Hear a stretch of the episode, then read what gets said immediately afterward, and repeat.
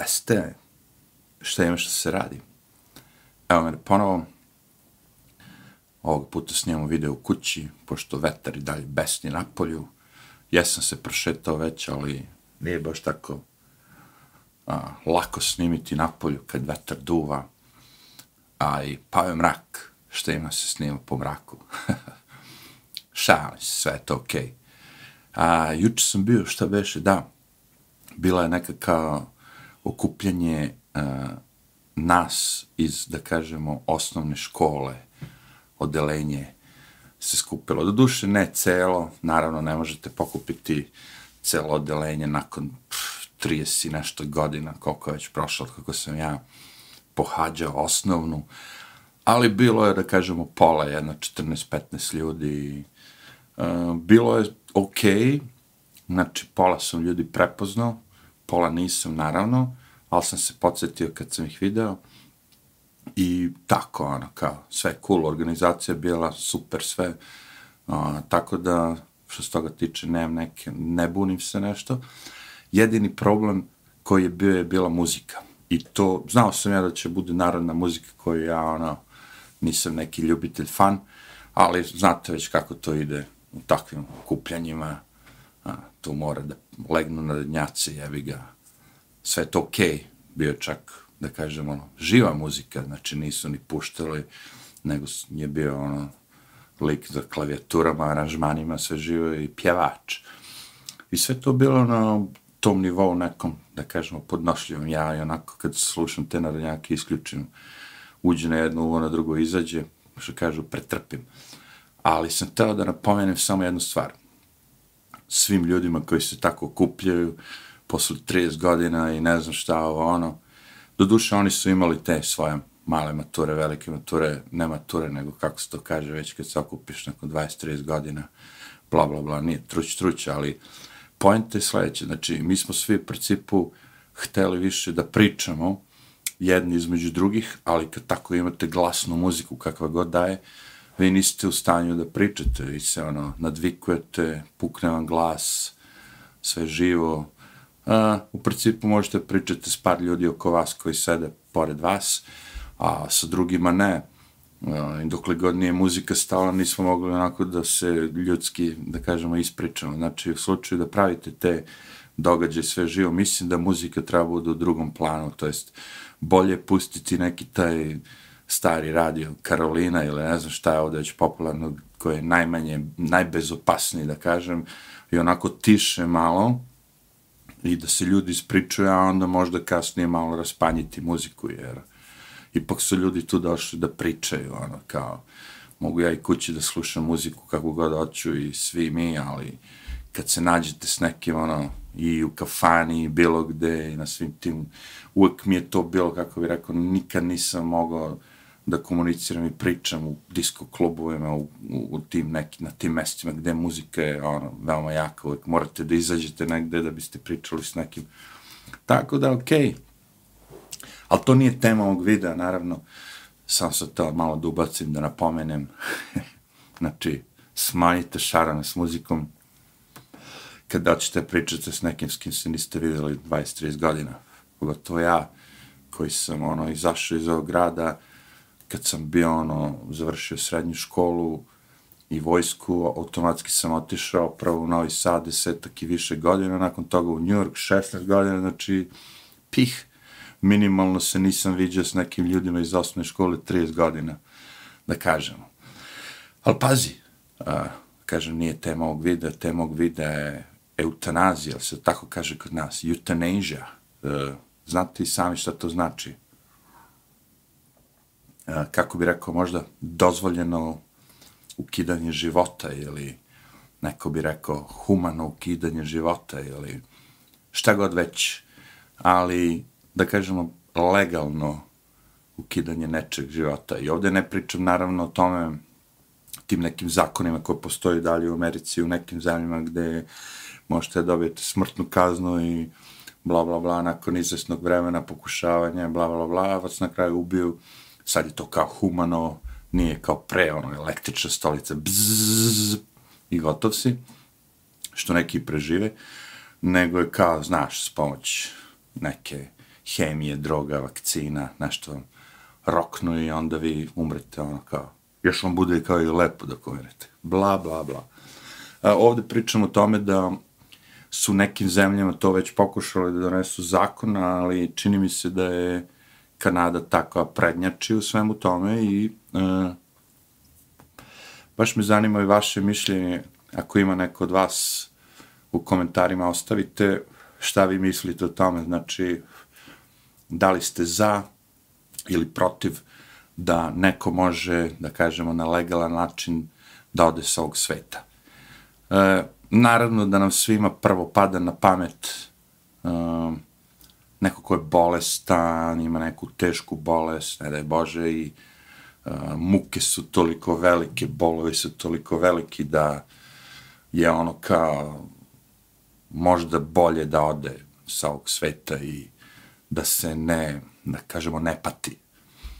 Ali moram da kažem da je broj takvih slučajeva i dalje manji nego, barem ja tako mislim, i dalje manji nego broj slučajeva gdje je neko depresivan ili već ima neke znaš, ono, kao, probleme u kući, ljubavne probleme, ove, one, znači, mislim da je mnogo više ljudi poželi da napusti ovaj svet i izvrši samoubistvo, da kažem, zato što se kao ono, skenjao, ili osoba se skenjala, ono, kao.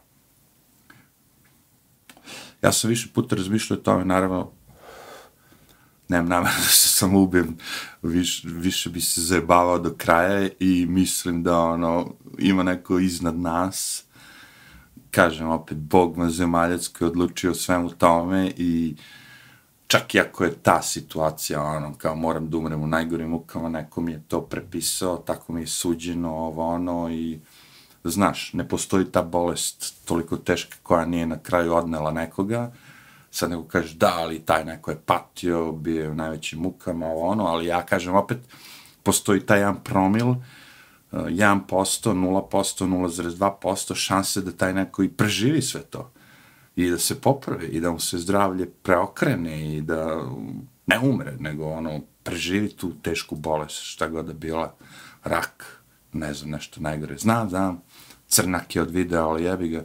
Ja volim da pričam o svim temama iako, pos, iako sam počeo veselo kao narodnjaci, ovo ono, ali dolazim i do toga. E sad, a, kako god da jeste, znači, i dalje smatram da je to malo, ako niste, znači, bolesni, ne znam šta, onda je to neki kukavičluk, da odete sa ovog sveta, jer niste vi rođeni tako što vas je kokoška snela jaja, jebi ga i sami ste i kokoška otišla, ono, vi imate porodicu, neko vas je, da kažem, rodio, neko vas je odgajao, ne, neki ste bili, postoje ljudi oko vas koji vas vole, koji vas žele da budete tu, kakvi takvi.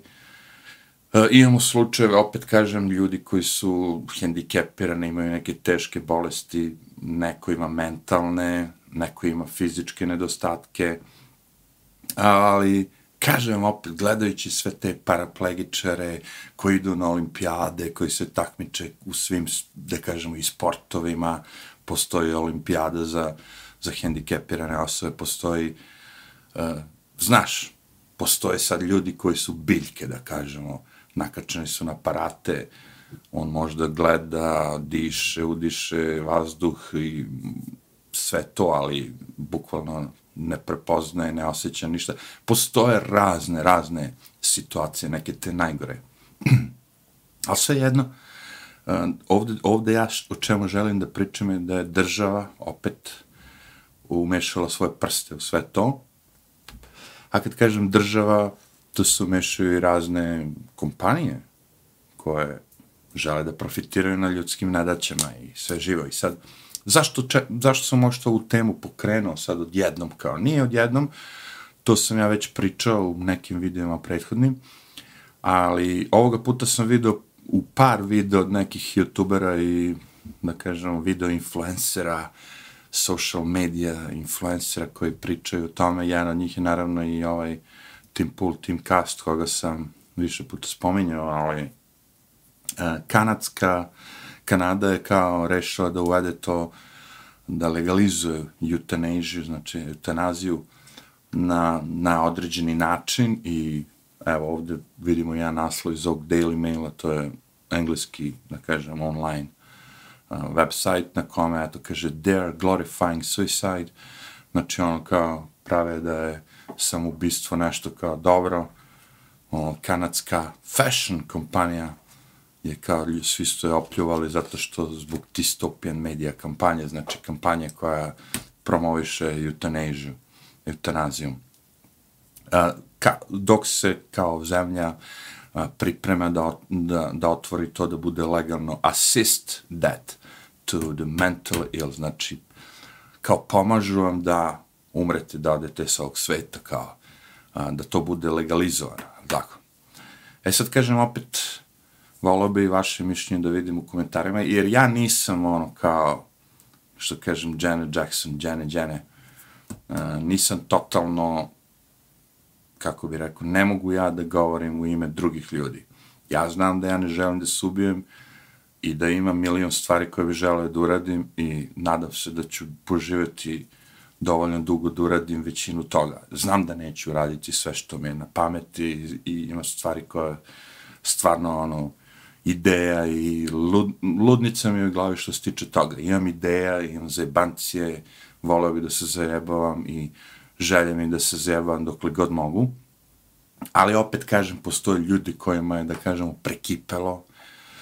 Uh, moj lični stav je da dobar deo tih ljudi koji je navodno prekipelo, koji nisu bolesni, nego jednostavno imaju problema u kući, ovde, onde, da bi trebalo da dobije pomoć od raznih ljudi, da bi najpre okolina, drugari, prijatelji, rodbina, svi živi trebali da pomognu, da se prevaziđu sve te stvari, ali opet i osoba mora da bude otvorena, mora da priča, znači ja siguran sam da malo vas će hteti da ode i da naprave YouTube kanal ili šta god već i da priča o svemu tome, o svom životu i ne znam ti šta, online, da svi mogu da čuju. Ne morate. Dovoljno da imate jednog prijatelja, prijateljicu. Dovoljno da imate jednu osobu, jednu osobu s kojom možete da pričate i da se otvorite, kažete vaše probleme. A, jeste da treba izabrati pravu osobu, ne želite takozvani prljaveš ili kako god već nazovete to sa svakom da pričate. Znači, treba imati nekog pouzdanog uh, za koga znate da će da to što vi pričate između vas, da ostane između vas, koji neće ići širiti to, ko zna gde i prepričavati i ono, trčariti drugima. Ali, a, postoji taj neki, kako bih rekao, kodeks psihijatra i pacijenta, gde sad vi, ako ste psihijatar, ste obavezni ili obavezani, kako god hoćete, da sve to što vam pacijent koji, recimo, ako ste vi psihijatar, pacijent vam priča neke stvari, vi to ne smete nikom drugom da pričate. Vidjeli ste čak i u filmovima, ono, kad dođe policija i pokušava da ispituje neke psihijatre, ovo ono, ej šta ovo, ono, znaš, oni uvijek kažu to je uh, između mene i pacijenta, ponekad je to isto i advokat kaže i to je poverljivo, ono što je meni rekao, ne znam, taj moj klijent, ja ne mogu vama da govorim, ovo, ono, okej. Okay. Znači, postoji taj neki, da kažemo, kodeks koji ljudi mogu da primene i u, između sebe, je ga ono kao, ako ti pričam nešto u poverenju, ne bi trebao se da širiš svima drugima. Znači, uvijek postoji neka osoba, um, problem je naravno sa ljudima koji su zatvoreni, koji su ono kao školjke, ne žele nikom da se ispovedaju, ne žele nikom, pa eto i to sam spomenuo, znači postoji ta praksa, jel tako, da se ode kod sveštenika u crkvu i da ono uđu u onu kabinu, sećate se isto iz filmova, neko možda iz života, gde vi uđete i ono kao to ostaje poverenje između tebe i tog popa sveštenika, šta god da si pričao. Znači, najpre bi trebalo otići i pričati sa bilo kim i ne morate sad vi da želite da se ubijete, ali ako imate neki problem, ono, e, treba se otvoriti, jer kad se otvorite malo, onda taj dihtung popusti, jevi ga i malo para izađe i osjećate se nekako bolje nakon svega toga. E, znači, svakako da bi dobar deo ljudi trebalo prvo da potraži pomoć tog tipa, e, ali smo došli do te tačke da sad, kao kažem, postoje ljudi koji su s druge strane i bolesni i sve živo i da li bi oni trebalo da imaju pravo da se, da kažemo, ubiju. Sad ja razmišljam nekako ovako, da kažem, seljački. Brate, ti ako hoćeš se ubiješ, ti će dođeš i skočiš s mosta. Ne treba tebi država, niti bilo ko da ti kaže kao, ej, kao, dozvoljam ti se ubiješ, sad ću ti pomognem.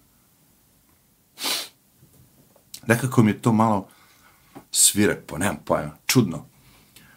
Jeste teška tema, ali znam da, da kad uđe, kad se priča sve o tome, kao i Tim Puli pričao, Tim Cast, ok, e, o tome, ali sam i na drugom jednom videu, od drugog, da kažemo, kreatora isto to video, i ovde, znači, imamo države koje počinju to da legalizuju. I ja sad kažem, ko si ti da odlučuješ o svemu tome i kako ćeš ti tačno da, da provališ kao, da, jer vidi, ako si ti biljka i na aparatima si, ti ne možeš, znači, da komuniciraš, ne možeš da kažeš ništa, ne možeš da pišeš, ne možeš ništa. Znači, ja znam ljud, mislim, lično iz, iz, iz života znam osobu koja je majka bila na aparatima i ona je majku na aparatima držala ono, nekoliko godina dok ta bolnica stvarno više nije htela ono, da je ne drži, rekla je, tva majka će biti on kao skinuta sa aparata, to znači smrt. Znači ima osoba koja je verovala da će majka kad tad da se oporavi od svega toga i da izađe iz kome i ovo ono, znači to je bilo njeno verovanje, doktori su svi rekli nema šanse, ovo ono, I to je ta surova priča američka i aparata. Ovde u Srbiji bi te ubili odmah, znamo, ne bi te ni držali ni aparat mi koje trošiš na struju i te fore, ali kao Amerika je humana, znaš, ako imaš mnogo miliona dolara, čega već, onda možeš kao da prođeš kroz sve to. Neko možda bude, ako ima mnogo para, da drži nekog u kome i deset godina, ono, u nadi da će ta osoba nekada ono, se probudi s kome. I što je dobro, nekad se to i desi, evo te, da neko ko je dugo u komi se probudi i nastavi život, jes da mašići malo tu se, ono, se živo se skenje organizuje, ali preživi osoba. Ali ovdje mi pričamo o tome, znači, da država će doći i kaže, ej, u slučaju da ti želiš da se ubiješ, mi ćemo ti pomoći. E sad šta? Pričao sam već o toj globalnoj globalisti, njihova agenda je da smanje broj ljudi na planeti i da, naravno, naj, najbolji smanji, najlakši način sterilizacije, ako sterilišemo ljude, možete vi da pokušate i veštačke oplodnje i sve živo, ono, vi nikad nećete uspjeti jer ja sam vas iskoko s nekim preparatima, lekovima, s čim živim, da ti nemaš šanse, ono, kao. To je jedan od način, drugi način je ono kao da te roknu direktno, bla, bla, bla, ali I ovo je jedan od načina da se smanjem broj ljudi na planeti i to ovih što troše, da kažemo, najviše para države, jer ako imamo ljude koji su mentalno bolesni, oni moraju da budu u institucijama, te institucije neko mora da plati, oni bi radije te pare da utroše na nešto drugo, jevi ga, nego da drže neke ljude živima, ali ako država preuzme tu kontrolu, da ona može to da odlučuje, kao što Kanada sad pokušava da uradi, odlazimo, idemo u jednu, jedan crni deo, da kažemo, mozga, koji ne bi trebalo da idemo. I pokazat ću ja, ima tu i već jedan spot koji su oni spremili, znači, jer već su se tu određene kompanije shvatile da mogu da uzmu keš tu. I to jeste tragično i žalostno, misli, vi biste mislili sad, dobro, ako će država da preuzme to, to će se raditi u nekim institucijama, ovo ono, la la la. Međutim, nije, znaš kako je to sa svim poslovima, uvijek će se naći neki privatnik koji će reći, ej, brate, ja mogu te ubijem za manje pare, imati bude do jaja, da budeš umirao, ovo, ono, levo, desno. Tako da, e, kažem, nije samo, znači, evo, Paralympian claims Canada offer to euthanize. A, viš, znači ovo je neki Paralympian koji, koji tvrdi da je Kanada ponudila kao da, da ubije. Jevate. A ona je tražila, ne znam šta je stair lift, verovatno neka procedura. I oni su rekli, e, znaš šta, to je skupo, jevi ga, možda bi ti treba razmišljati pre da se rokneš, da se ubiješ, jevi. Mislim, to, o tome vam pričam, jevi ga.